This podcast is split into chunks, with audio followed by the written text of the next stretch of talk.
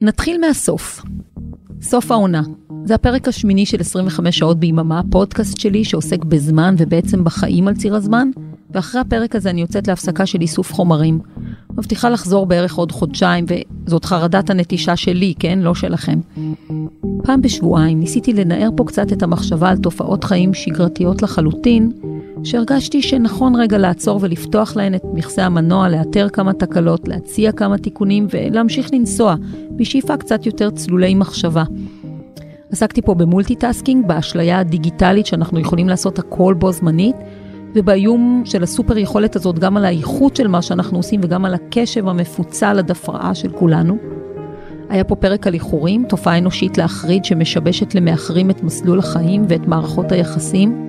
אפשר להסביר איחורים עם שלל מומחים, היו פה מדעני מוח ופסיכולוגים, אבל אפשר גם להסתכל עליה כתוצאה עגומה של החיים המאוד צמודים שלנו לשעון.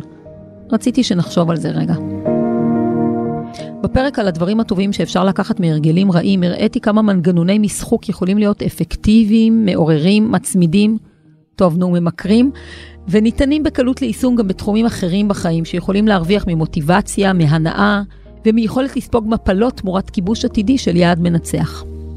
אחר כך התוודעתי פה על הקושי העצום שיש לי לעבוד מהבית והודיתי בגעגועי למשרד, הישות הדי מושמצת והפרפרה שזכתה בעיקר לפרודיות על שמה. דיברנו בפרק על זה שגם לעבודה שלנו צריך להיות בית משלה, הבית של העבודה. והיה פרק על זה ששלווה is overrated וששינוי וחיפוש אחר משמעות עובר תמיד דרך פחד ואי ודאות, ושאולי מנגנון הסטרס נועד גם לתת לנו כוחות ולאפשר, ולא רק להקפיא אותנו מודאגים על מקומנו. אחרי זה שאלתי כמה באמת צריך לעבוד בעזרת אנשים שמיישמים בקפדנות שגרת עבודה שונה מאוד ממה שרובנו מכירים. למשל, שש שעות ביום, בלבד, וזהו, ובמשרה מלאה. או Deep Work, צלילה נטולת הפרעות לעבודה משמעותית, תוך הבחנה קשוחה בינה לבין ה-Shallow Work, משימות שטוחות שלפעמים משתלטות לנו לחלוטין על סדר היום, נגיד לענות לאינספור מיילים והודעות בוואטסאפ. ולסיום היה פה פרק קצת כאוב, על העבודות השקופות, שעות הבית והמשפחה שנופלות, ובואו, לא חייבים סטטיסטיקה בשביל זה הרי, אבל קבלו, ב-98% ממשקי הבית בישראל, בעיקר על אימהות. שעות שלא נספרות בשום כלכלה. אם את עובדת בחוץ ושוכרת מישהו שיעזור לך, זה לא מוכר כהוצאה. ואם את עובדת בבית ועושה אותן לבד, זה לא מוכר כהכנסה. אחרי עונה שלמה של נבירה באיך לנהל את הזמן, חשבתי שצריך להגיד שלפעמים הבעיה במקום אחר, ולא בהכרח תיפתר אם נשחק יותר טוב את הטטריס של החיים. ואז הגענו עד הלום, לפרק האחרון של העונה, ובו חשבתי שיהיה נחמד לענות על שאלות שקיבלתי ברשתות החברתיות במהלך חודשי השידור של הפודקאסט, מעין סליחה על השאלה מה זה ניהול זמן. אז זימנתי מהבית הפרטי שלי עיתונאי שאני מאוד אוהבת שישמש לכם כפה, תגיד שלום. שלום. אה, קולך הווקאלי. אה, החוקים הם שאתה שואל, נותן לי בערך דקה לכל תשובה שנרוץ על זה מהר, ושואל שאלות המשך אם יש משהו שנראה לך לא ברור, סבבה? אה, מצוין, נשמע לי הזדמנות טובה לנהל שיחה כשאת לא באמצע הקלטות של איזה פודקאסט או עושה את כל הדברים האחרים שאת עושה 28 שעות ביממה. זיהיתם בטח כבר את הכל, אז יאללה, פרק 8 של 25 שעות ביממה, הפודקאסט על זמן בשיתוף עיתון הארץ. פרק ה"אתם שואלים, אני עונה" יוצא לדרך. אני רותי רודנר ולצידי כמראיין גיא פינס. מתחילים. הנה אחת התגובות שאת uh, מקבלת לא מעט. מלחיץ אותי כל העסק הזה של 25 שעות ביממה. בואי תורידי ממני דברים, מה את מוסיפה? אוקיי, אז אני צריכה להבהיר את עצמי. הרעיון הוא להרגיש כאילו שהרווחתם שעה, באמצעות סידור יותר נכון של תכולת החיים שלכם בקופסאות הזמן. אולי קל יותר להסביר את זה עם דימוי של סדר בארונות. כדי לעשות סדר בארון, אומרים, אי אפשר באמת לשנות את הארון, הארון נתון. אז מה שאתה צריך לעשות זה להוציא, אתה אוהב לעשות את זה, אה? וואו. להוציא את כל התכולה של הארון. זה עכשיו הרגעים שלגיא יש תסריטי אימה בראש, להוציא את כל התכולה של הארון, mm-hmm. לסדר אותה, למיין אותה, לשים הצידה דברים שאין שום סיכוי שכרגע תוכל להשתמש בהם, או שאי פעם תשתמש בהם, ואז להחזיר את זה מתוך איזשהו שיקוף של סדר עדיפויות, מה נמצא מקדימה, מה מאחורה, מה אתה רוצה שיהיה לך כדי להיזכר אולי איזה מגניב אתה יכול היית להיות. ומה אתה כרגע, פשוט uh, סוג של מאפסן, מאחסן, הוא פשוט זורק החוצה מהחיים שלך. זה הסדר שאני מציעה לאנשים לעשות בחיים שלהם בהקשר של 25 שעות ביממה. בהקשר הזה אני חייב להגיד שפעם אחרונה שעשינו את הדבר הזה הייתי בהלם כשהכל יצא החוצה, שזה אי פעם נכנס לתוך ארון. אבל שוב בהקשר גם של החיים, כשעושים את הסינון ואת המיון הזה ומחזירים אחר כך פנימה, אז הרבה יותר כיף להשתמש, לא רק קל יותר להשתמש, פתאום אתה באמת מוצא את עצמך בתוך הזמן הזה שארגנת לעצמך מחדש. טוב, אז עוד שאלה, כמה את עובדת ביום? Mm, אוקיי, אני עלולה להזדקק פה ליותר מדקה, אנחנו לא ממש עם סטופר, אבל כזה, מקסימום תקזז אותי בהמשך. אני עצמאית כבר כמה שנים, ולכן עובדת בשיטה של אה, משימות גדולות שמפורקות לשלבים קטנים, שממש מפורקים עד סעיפי סעיפים, והשלבים הקטנים האלה ממש מתוזמנים אצלי בשעות או בימים. למשל, אני עכשיו עובדת נגיד על פרזנטציה גדולה לאיזה רעיון שלי לסדרה שאני הולכת להציג בארצות הברית. אז המשימה הגדולה ברורה. ואז עשיתי רשימה שמפרקת את הדרך אליה. נגיד, יש לי אלמנט בתוך המשימה הגדולה של קריאת חומרים, יש אלמנט של חשיבה, של פיצוח, כל מיני שאלות שאני צריכה לענות עליהן. אחר כך אני צריכה לקחת חומרים חדשים ולהטמיע אותם בחומרים קיימים, וכל אלמנט כזה הוא מתוזמן, וככה הוא גם משתבץ ביומן שלי. נגיד למשימה הזאת יש איזשהו צבע שחוזר בכל פעם שהיא מופיעה בסדר היום שלי, עד איזה דדליין, ותמיד יש לי דדליין, גם אם הוא דדליין uh, מומצא. כלומר, נגיד uh, הייתה לי החלטה שהפודקאסט הזה יעלה ב-1 בספטמבר. אז זה נכון, הוא עלה בסוף, בסוף ספטמבר, אבל לפחות עבדתי כאילו הוא אמור לעלות בתאריך המסוים הזה. רגע, אני רוצה לעשות הפסקה, כי אני מפחד שאנשים יחששו שאני חי עם אישה משוגעת. בבית אין לך טבלאות כאלה של אה, תרשימי זרימה וצבעים. יש כל מיני דמויות בסרטים אמריקאים של אימהות כאלה שהכל מתנהל אצלם עם מגנטים. לוחות, זה לא המקרה. אוקיי. Okay. זה נראה לי שהצבעים האלה יותר קיימים איפשהו בתוך הראש שלך, בידיעה ו... של המשימות והחלוקה שלהן. גם ביומן שלי, mm-hmm.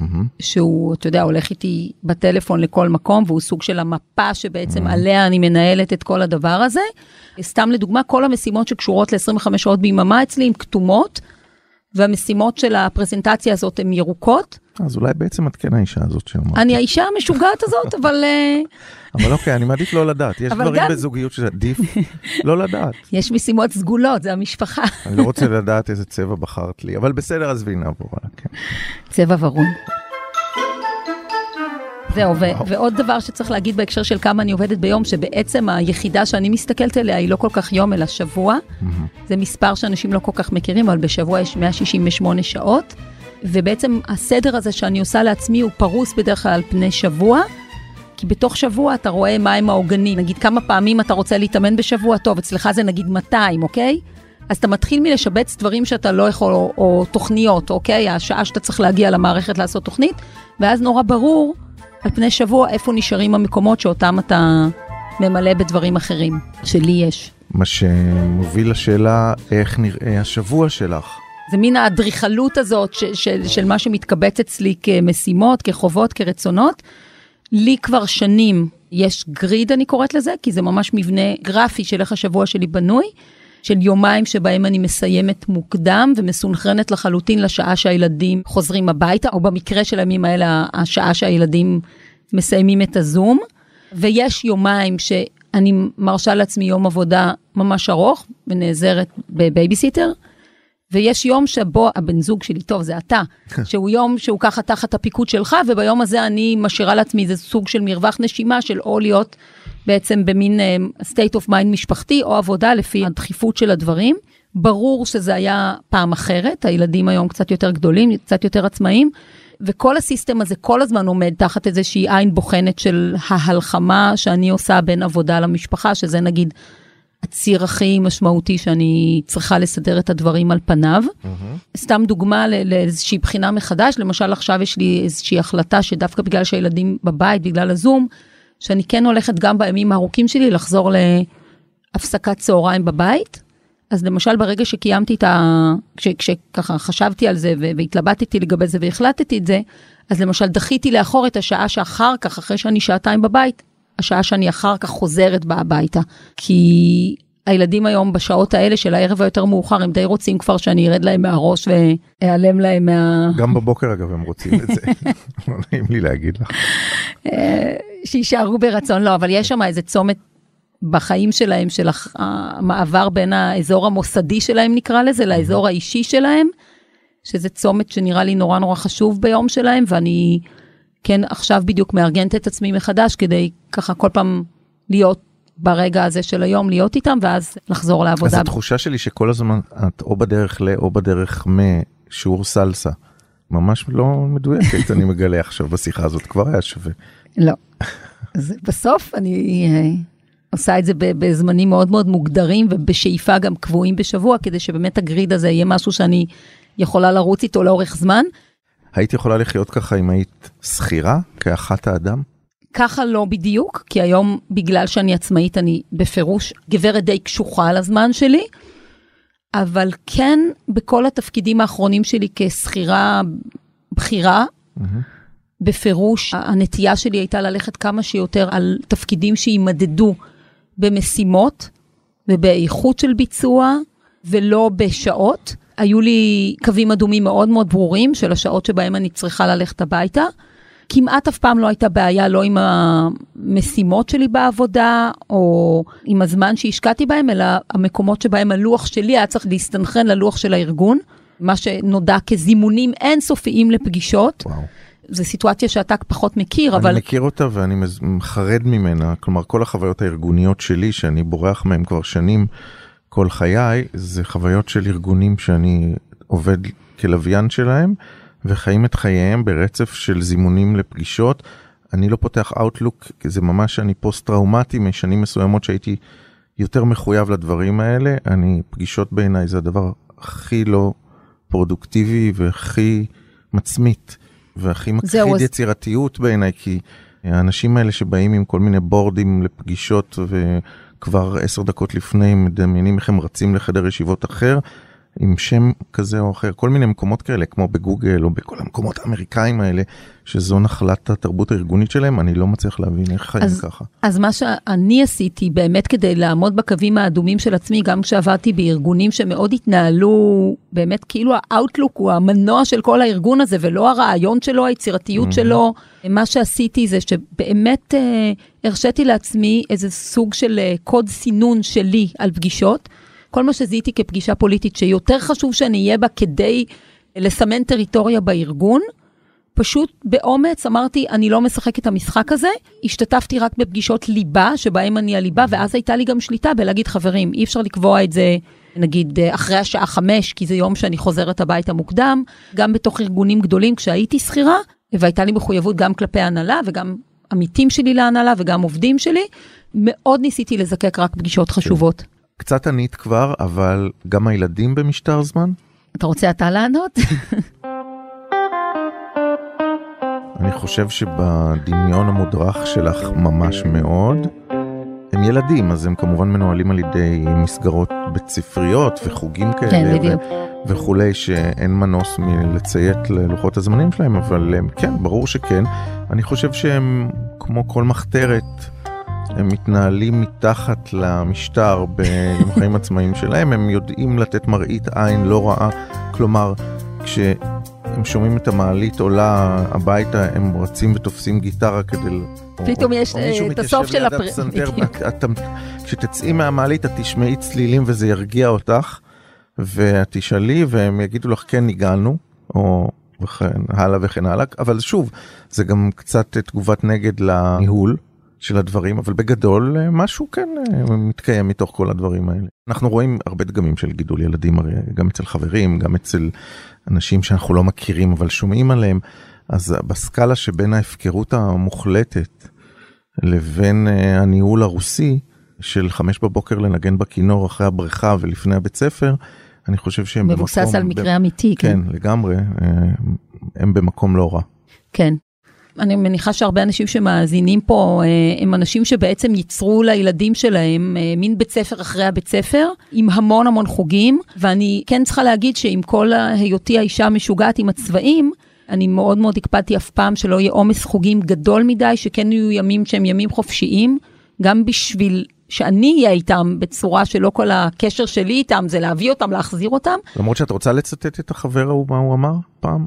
היה לי חבר שככה הסתכל אה, בהרמת גבה מסוימת על ההורות שלי ואמר לי, תקשיבי, את האישה היחידה שאני מכיר שהיא מתישה את הילדים שלה במקום שהם יתישו אותה. כן. אז uh, יש מצב. כן, למרות שבהמשך כאמור למדנו והכרנו עוד אמהות שמתישות את הילדים שלהם הרבה יותר. אפרופו התשה, זה לא קצת מאוד לא ספונטני לחיות ככה?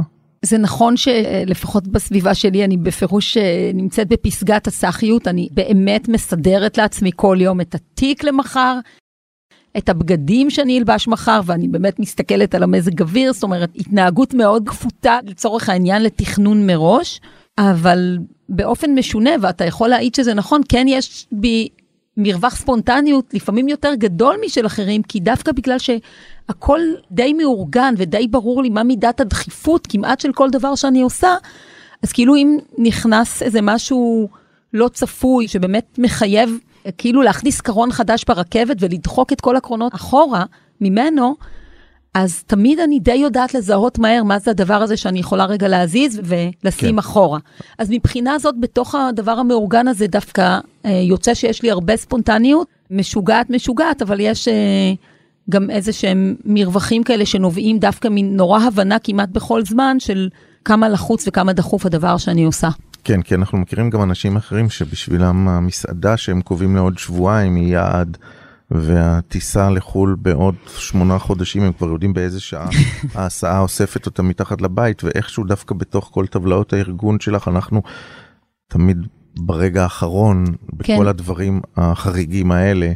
בניגוד מוחלט אגב באמת לכמעט כל האנשים שאנחנו מכירים. זהו, אני גיליתי לפחות שבשבילי דברים שארגנתי יותר מדי זמן מראש. פתאום הרבה... באה הקורונה. לא, הרבה פעמים הם לא קרו גם מסיבות יותר טריוויאליות ממגפה עולמית, mm-hmm. וגיליתי מצד שני שלא מפחיד אותי להיות במצב של וואו, אה, עוד עשרה ימים קורה משהו. אני יודעת לעמוד בסוג של הלחץ הזה מזה שזה דורש איזו התארגנות יותר מהירה.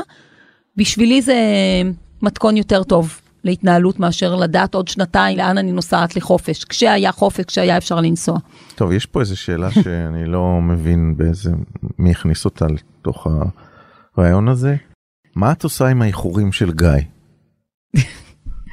טוב, זה כי חשפתי בפרק 2, הפרק על האיחורים, חשפתי שאני חיה עם אה, מאחר כרוני, ואני חושבת שמשלל האנשים שראיינתי בפרק, אתה באמת אה, מבחינת איחורים, כן? Mm-hmm. אחד האנשים המאתגרים. בהחלט. לא רק מאתגרים, גם מעמידים בסימן שאלה מסוים את כל הטענות שלך שאת פיצחת איזה שיטה, כי הכישלון הגדול שלך הוא ניצב מולך יום יום. כן, הסנדלר uh, הולך עם כפכפים. אבל זה אולי מסביר את זה, מה ש, ש, שבעצם בפרק על האיחורים, שדי יצאתי אליו במין, אוקיי, אני אראה לו מה זה כזה, אני, אני אראה לו שאפשר לתקן את זה, ובאיזשהו מקום זה דווקא החזיר אותי לנקודה שבה הבנתי מאחרים הרבה יותר טוב. הבנתי שאם חייתי באיזה מין תחושה כזאת של... Uh, זה משהו שהוא נורא לעומתני כזה, אל מול הזולת שמאחרים לו. הבנתי שזה נובע הרבה פעמים מדברים נורא נורא עמוקים, שהם נורא חלק באמת, כשכבר מאוד קשה להפריד אותו כאיזה בעיה התנהגותית קלה, אה, תשים פחות מלח באוכל, זה לא. זו התנהגות נורא מושרשת. כאילו באתי להתנחם בפרק הזה, אבל בעצם מצאתי את עצמי ככה מנחמת ואומרת, וואו, זה, זה לא עניין כזה פשוט ו- ולא... הרגל שכל כך קל להיגמל ממנו, וכן יש משהו שלפחות בפרק שאני עשיתי עבורי היה מין טייק אאוט נורא נורא שימושי, זה שאם הצד השני יודע בכמה מאחרים לו בצורה אמינה, אז הציפייה הזאת שהיא נחווית לפעמים כנצח והיא נורא מועברת במתח ובעצבנות, היא הופכת הרבה יותר קלה. Mm-hmm. זה מבוסס על מחקרים של אנשים שמחכים בתור ושכן יודעים כמה זמן ולא יודעים. כל הציפייה מה הזאת. מה אתה למדת מהפרק על האיחורים? למדתי קודם כל שאני לא לבד. שני דברים, א', אהבתי מאוד את הניסוח של אה, ירון, עורך הדין, התותח חברנו, שסיפר איך בעצם בניגוד למה שאנשים חושבים על המאחרים, המאחרים לא, לא רק שלא מזלזלים, אין בהם גרם של הנאה מהאיחורים שלהם, כלומר אין אפילו את החלק ההדוניסטי. ההדוניסטי, הסאטלה הזו שאחריה אתה מתחרט על מה שעשית, הארוחה המושחתת שאחר כך אתה מבכה את הקלוריות. אין את הלפני, אתה כל הזמן בסבל מתמשך בתהליך האיחור, אז אל תבואו עלינו עם הדבר הזה כאילו אנחנו נהנים. שתיים, שאם אתה יכול לקנות את האיחורים שלך בכסף, אין מאושר ממך. כי זה מרגיע, העובדה שאתה יודע ש... אגב, גם אני בפועל מבצע את זה בעבודה שלי, ובסדר. תסביר. אם הייתי עושה דברים מסוימים בעבודה הרבה יותר מוקדם כל פעם, הייתה נחסכת עבודה כפולה ומשולשת בחדרי עריכה של כתבות. זאת אומרת, גיא המפיק משלם על האיחורים של... על... לא, זה לא בדיוק איחור, זה על ניהול הזמן של גיא, ה... אגב, לא הטאלנט, הטאלנט מגיע בזמן לשידור. וגם יש עוד דבר, אני דבק בעובדה שבעיניי, גם כלפי העולם, זה כבר נהיה עוד פרק על איחורים, אבל בכל זאת, בגלל שלא ראיינת אותי, למרות שזה היה לך כל הזמן מול העיניים, הדבקות של העולם בעמידה בזמנים כערך עליון היא בעיניי גם ניתנת לבדיקה. כן. אנחנו יודעים שיש תרבויות שבהן זה פחות נחשב, חלקן תת יבשות שיש בהן המון המון בני אדם שחיים אחרת. אני חושב שלפעמים הבן אדם שמתעצבן מהאיחורים צריך לבדוק גם את עצמו עד כמה זה באמת כל כך נורא שאיחרו לו ומה הדבר הכל כך חשוב שהוא היה עושה בזמן שלו אני לא מדבר על ראש הממשלה שזמנו נמדד וקצוב בפגישות של 10 דקות כי כולם רוצים אותו רוב האנשים נו שוין כאילו לא כולם רוצים אותו סתם לא יאללה שאלה הבאה. יש לך פדיחות זמן? ברור כמו שנראה לי כבר נאמר פה משהו ברצון לנהל כל הזמן דבר שבתוכו גם קורה הבלתי צפוי. והלא נודע זה כמובן יומרה נורא נורא מופרזת, ולפעמים יש לי איזו תחושה שהזמן הוא כמו איזה דרקון כזה שאני מנסה כאילו כל פעם אה, לנצח אותו, אבל בעצם תמיד תמיד בסוף הוא מראה לי ש...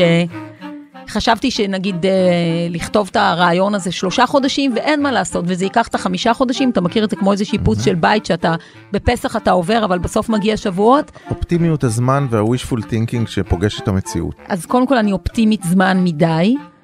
יש לי עוד uh, מחלת זמן, זה שאני קצת מדי סומכת על מין משבצות קטנות וצרות, כלומר, נגיד אם גמרתי להתאמן, נגיד בתשע, ובעשר וחצי אני צריכה להיות פה באולפן, אז בראש שלי בשעה וחצי הזאת יש לי זמן לעבוד, לשפר את הקריינות של הפרק. וזה לא ככה. זה חלק מהסעיף הקודם של האופטימיות. נכון, אבל אני אומרת, שעה וחצי, לא. זאת אומרת, זה, זה, זה מספיק לדברים אחרים, זה לא באמת מספיק לעבודה. זה קצת כמו לחשוב שאת תיכנסי לחנייה הזאת, שבחיים כן. לא תצליחי להיכנס אליה. תכף. זה קטן מדי. בדיוק. נגיד אם אני אהיה עכשיו בפגישה או באימון, אז אני מאוד אדע לשים את הטלפון בצד, אבל דווקא כשאני עם עצמי, את הזמן של עצמי, אני לא מכבדת כפי שאני מכבדת את הזמן של אחרים איתי. וזה מאוד מאוד מפריע לי ו... כמה סקרין טיים יש לך בממוצע? יש לי הרבה, אבל אל תשכח שאני גם קוראת ספרים, עיתונים ושומעת מוזיקה באייפון. אה, זה בגלל המאמרים, זה... תירוץ מוכר. בדיוק, אני קוראת, לא, אבל... אני בקנדי קראש בגלל המאמרים גם, כן. לא, אגב, אני לא, אבל בסדר. ויש עוד משהו שקשור לפדיחות זמן, וזה קשור גם לדבר הזה שאני מדברת עליו לאיזושהי הכרה בכמה החיים שאתה חי היום מתאימים למי שאתה היום, או שמי שאני היום. No. וזה שבראש שלי אני עדיין לא רק החיית בוקר שאני היום, אלא גם הציפור לילה שהייתי פעם, ואז הרבה פעמים אומרת, טוב, הילדים יאכלו, יתקלחו, עניינים, ואז אני אחזור לעבוד. אני שומרת לעצמי לפעמים משימות עבודה ללילה, ו... את עובדת מהבית? אני ממש שונאת לעבוד מהבית. אני מאוד אוהבת את הבית, דרך אגב, אני שונאת לעבוד מהבית. אפילו בשיא הסגר, מאחר שהמשרד נמצא בטווח האלף מטר, הלכתי למשרד. אני צריכה מסגרת לעבודה שלי, אחרת החיים בבית פורצים לי לתוך יום עבודה כמו איזה מין אה, לשונות אה, ים כאלה, שככה כובשים מקום ביבשה. והיציאה מהבית למשרד היא, היא מארגנת לי את היום, את המחשבות, והיא מאפשרת לי את ההפרדה שאני צריכה בין רותי של הבית לרותי של העבודה, בגלל שהרבה מהעבודה שלי זה דברים שהם רכים, לקרוא או לחשוב. יש לי שעות שאני צריכה לחשוב mm-hmm. כדי לפתח רעיון חדש, וזה דברים שנורא קל לפרוץ אותם, כי, כי מה נראה שאתה עושה כשאתה קורא? שאתה קורא. כן. מי ישמע? היא קוראת. אני גם קוראת באייפון או באייפד, אז זה בכלל נראה כאילו אני בוואטסאפ באותו זמן. שאני גם בוואטסאפ באותו זמן. הקדשת פרק לעבודות השקופות. את מדברת על זה כאילו את בעצמך עושה אותן, אבל בואי. נכון, אני כבר לא עושה את כל העבודות השקופות, או, או אנחנו כבר לא עושים את כל העבודות השקופות בבית שלנו בעצמנו. דרך אגב, הרבה נשים עונות על השאלה הזאת בגוף ראשון יחיד. אני כבר לא עושה את זה, אני יכולה להרשות לעצמי. שזאת אחת הבעיות, כי בעצם לא מתייחסים לעבודות השקופות בכלל כחלק ממשק הבית המשותף, כאילו האישה צריכה לצורך העניין, או מרגישה שהיא צריכה, נגיד, להרוויח מספיק כסף כדי שזה יצדיק את זה שלא היא מכבסת בעצמה, או מנקה בעצמה, אבל כן, חלק ניכר גם מעבודות הטיפול, גם בבית וגם בילדים כמובן, ובחתולים. השארנו בידינו, בתוך החלק הניכר הזה, החלק הניכר נופל עליי, או הוא נמצא בידיי, אני לא יודעת אה, אם הביטוי נופל עליי הוא נכון, כי כל מה שנקרא עבודות הרגש, בוא נגיד ככה, הם דברים שמאוד קשה לקנות בכסף. ופה לקטגוריה הזאת אני בפירוש מכניסה למשל גם בישול ביתי, שאולי במקרה שלך זה עבודה שקופה שהיא לא כל כך שקופה, כי הציבור נחשף. כי זה באינסטגרם. לבישול, אבל בפירוש אני חושבת שבזה יש איזה סוג של מסר גם בבית שאומר, זה חלק מה, מהצבע של הבית שלנו, mm-hmm. גם בלי ניקיון per se וגם עם בייביסיטר פעמיים בשבוע אחר הצהריים. ניהול של משפחה בת חמש נפשות זה ממש כמו לנהל חברת הפקה קטנה. Mm-hmm. בין ההתנהלות של הילדים והקביעות וההבאות וההחזרות. פה ימי הולדת ופה ימי הולדת של חברים, הצטיידות הביתה של מזון, מזווה, תיקונים, אנשי מקצוע שצריך להזמין, אנשי מקצוע שצריך לחכות להם. כולנו חיים את הדבר הזה. כן. יש שם הרבה עבודות שקופות שכמו שאמרתי, וזו הנקודה החשובה, הם לא חלק מהכלכלה.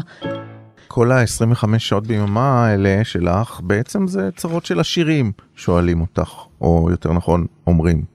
אם מדובר באפשרות להוריד מעצמי משימות ולרכוש עזרה בכסף, אז כן מדובר באמצעים כלכליים, וברור שהם לא עומדים באותה צורה לצידו של כל אחד ואחת. אבל כן, אני חושבת שהאדריכלות חיים הזאת שאני מדברת עליה, אני חושבת שהיא כן משמעותית לכולם.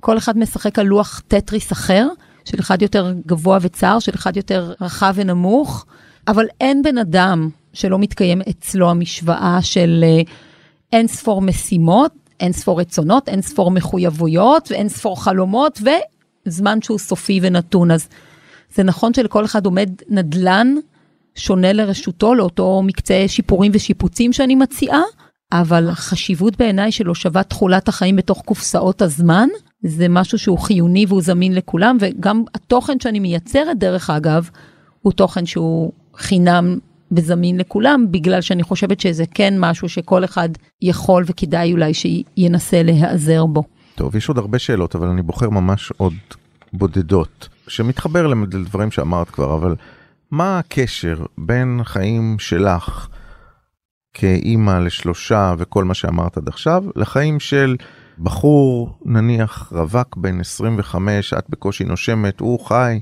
מטייל, אולי עכשיו גם אין לו בשביל מה לקום בבוקר כי קורונה, מה להלחיץ עכשיו אם לנהל זמן? שומרת את הקשות לסוף. את החיים, את האמת. גם אצל רווק בן 25, אם רגע נסתכל על ניהול זמן כמו ניהול חשבון בנק של מטבעות זמן, אז נכון שבניגוד אליי אולי, הוא פחות צריך לעסוק בחיסכון של זמן, כי יש לו יחסית יותר מטבעות זמן פנויות נקרא לזה, לבזבז, אבל הוא כן צריך להיות עסוק למשל במסלולים של השקעה של זמן. כאילו איזשהו ניתוב של ההווה שלו לטובת העתיד שלו, החלטות על לימודים, חיסכון בכסף בשביל להגשים איזה חלום, ניתוב נכון בין לימודים לעבודה, אה, התחלה של בנייה של עצמו בתוך הסולם הכלכלי שהוא אולי ירצה להתקדם, הוא, היא, כן? בקיצור, גם בשביל רווק או רווקה בני 25 שחיים באקו סיסטם של חיים שונים לגמרי משלי, יש גם איזה עובר ושב שצריך לנהל של המטבעות זמן הזה.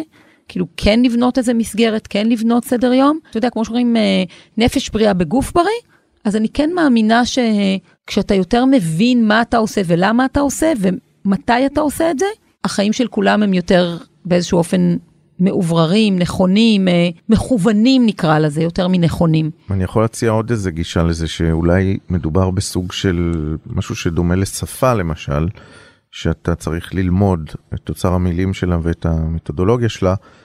לא תמיד יש לך עם מי לדבר אותה, אבל בטח שיותר קל ללמוד שפות בגיל צעיר, ככה טוענים, ומתישהו אתה כן תצטרך להשתמש בה.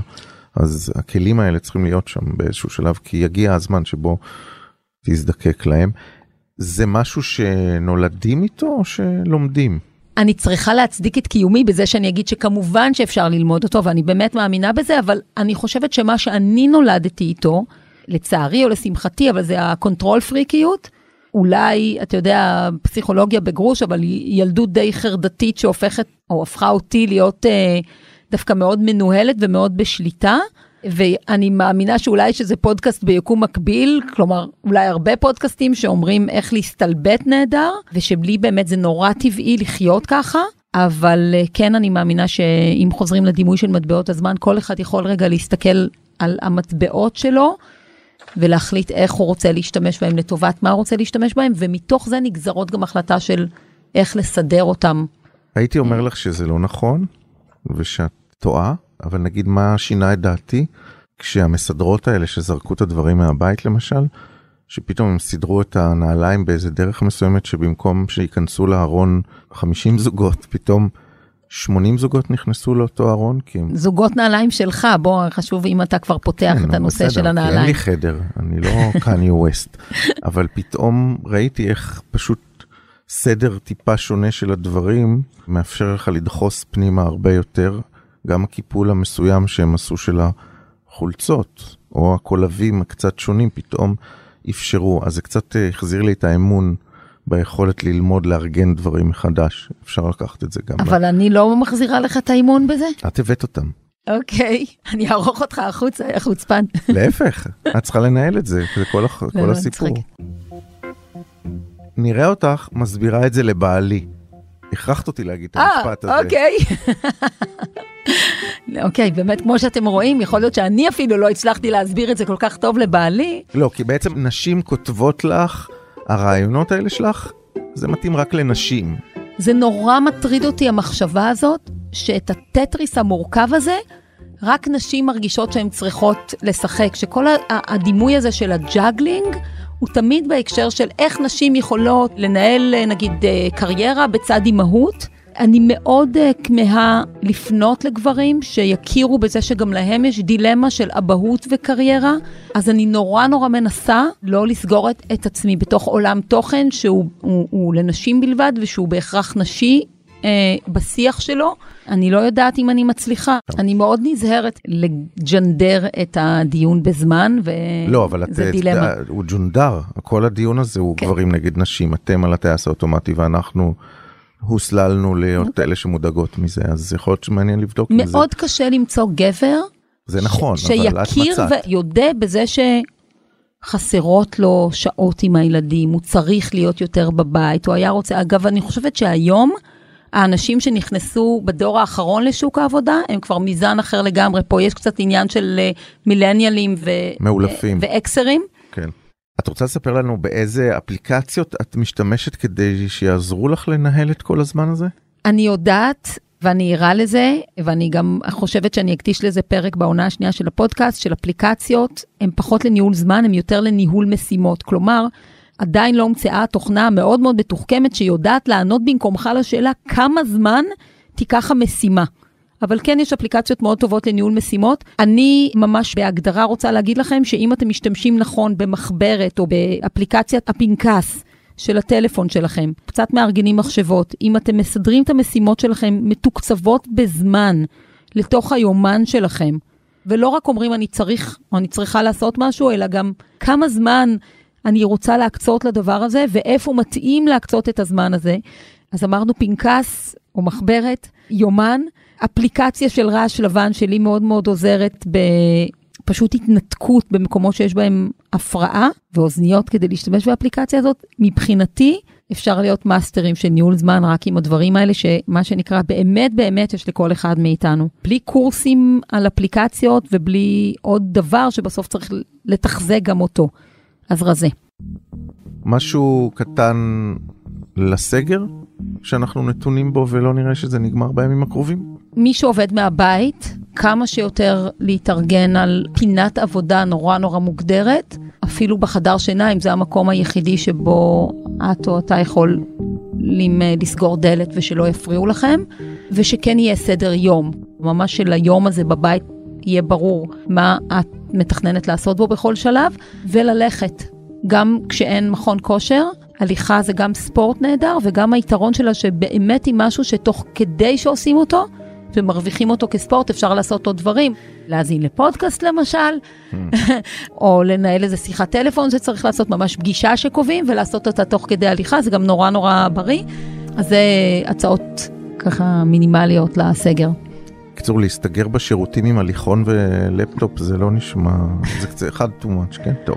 שאלה אחרונה, אני אקרא אותה כמו שהיא כתובה. אני מקבלת ממך השראה, אבל גם חובה הלקאה עצמית של במה אני לא בסדר. אה, אוקיי, זו תגובה שהגיעה אליי ממישהי שלשמחתי ככה הגיבה כמעט אחרי כל פרק של הפודקאסט, בחורה צעירה ומוכשרת. ומאוד uh, צ'יברית, זאת אומרת שמי שמסתכלים מבחוץ על החיים שלה כפי שאפשר להתרשם מרשתות חברתיות, היא בפירוש בן אדם מאוד מנהל זמן. ומה שעניתי לה גם, כי עניתי לה בפרטי גם על השאלה הזאת, אמרתי לה ששינוי של הרגלים או שינויים מחשבתיים או שינויים של הסדר עדיפויות, הם בהכרח כרוכים בכאב מסוים.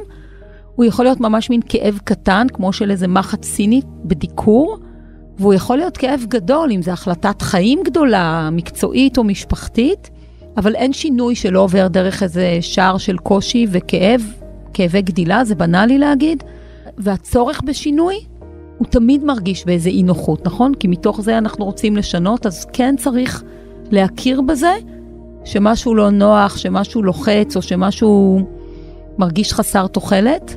ואני חושבת שצריך לראות בתחושה הזאת לא תחושה של הלקאה עצמית, כי בזה יש משהו שנורא לא מכוון אותך לשינוי, אלא תחושה של באמת כאבי צמיחה או כאבי גדילה. וכן צריך להגיד שבדיאטה די מהר מתחילים לעלות על המשקל ורואים שזה יורד. או באימוני כושר, בהחלטות חיים זה לא תמיד ככה, כאילו אנחנו לא יודעים מהו הגודל של הגלגל הענק הזה, שה, שהמהלך הזה מסתובב כאילו לאורכו, mm-hmm. וצריך סבלנות. כלומר, זה לפעמים לוקח הרבה מאוד זמן. התוצאות מתארכות וצריך סבלנות בשבילם. טוב, הנה סימנת גם מביא על שעה של uh, שיחה עם בעלך. לדעתי זה היה מאוד הישגי. Uh, אפשר להכניס את המוזיקה מלמטה. באיזה צבע לשים את זה אבל? אני חושב שבואי תקחי איזה צבע אחד נדיר שלא צריך כל הזמן. להשתמש בו, משהו שככה חום. תודה ש... שעזרת לנו uh, לסגור את העונה של 25 שעות ביממה. ואם יש עוד שאלות אני בבית, לא, צריך, לא תמיד צריך לעשות עם קהל את כל השיחות האלה. אנחנו יכולים גם באחד על אחד. זהו. עד כאן העונה הראשונה של 25 שעות ביממה. תודה לאמיר פקטור, אורחי ומפיקי, ולצוות הפודקאסטייה של הארץ. אפשר למצוא גם את הפרק הזה ואת כל שבעת אחיו באתר הארץ, בספוטיפיי, באפל פודקאסט, בגוגל פודקאסט ובאתר שלי. חפשו בגוגל 25 שעות ביממה. להתראות בעונה הבאה.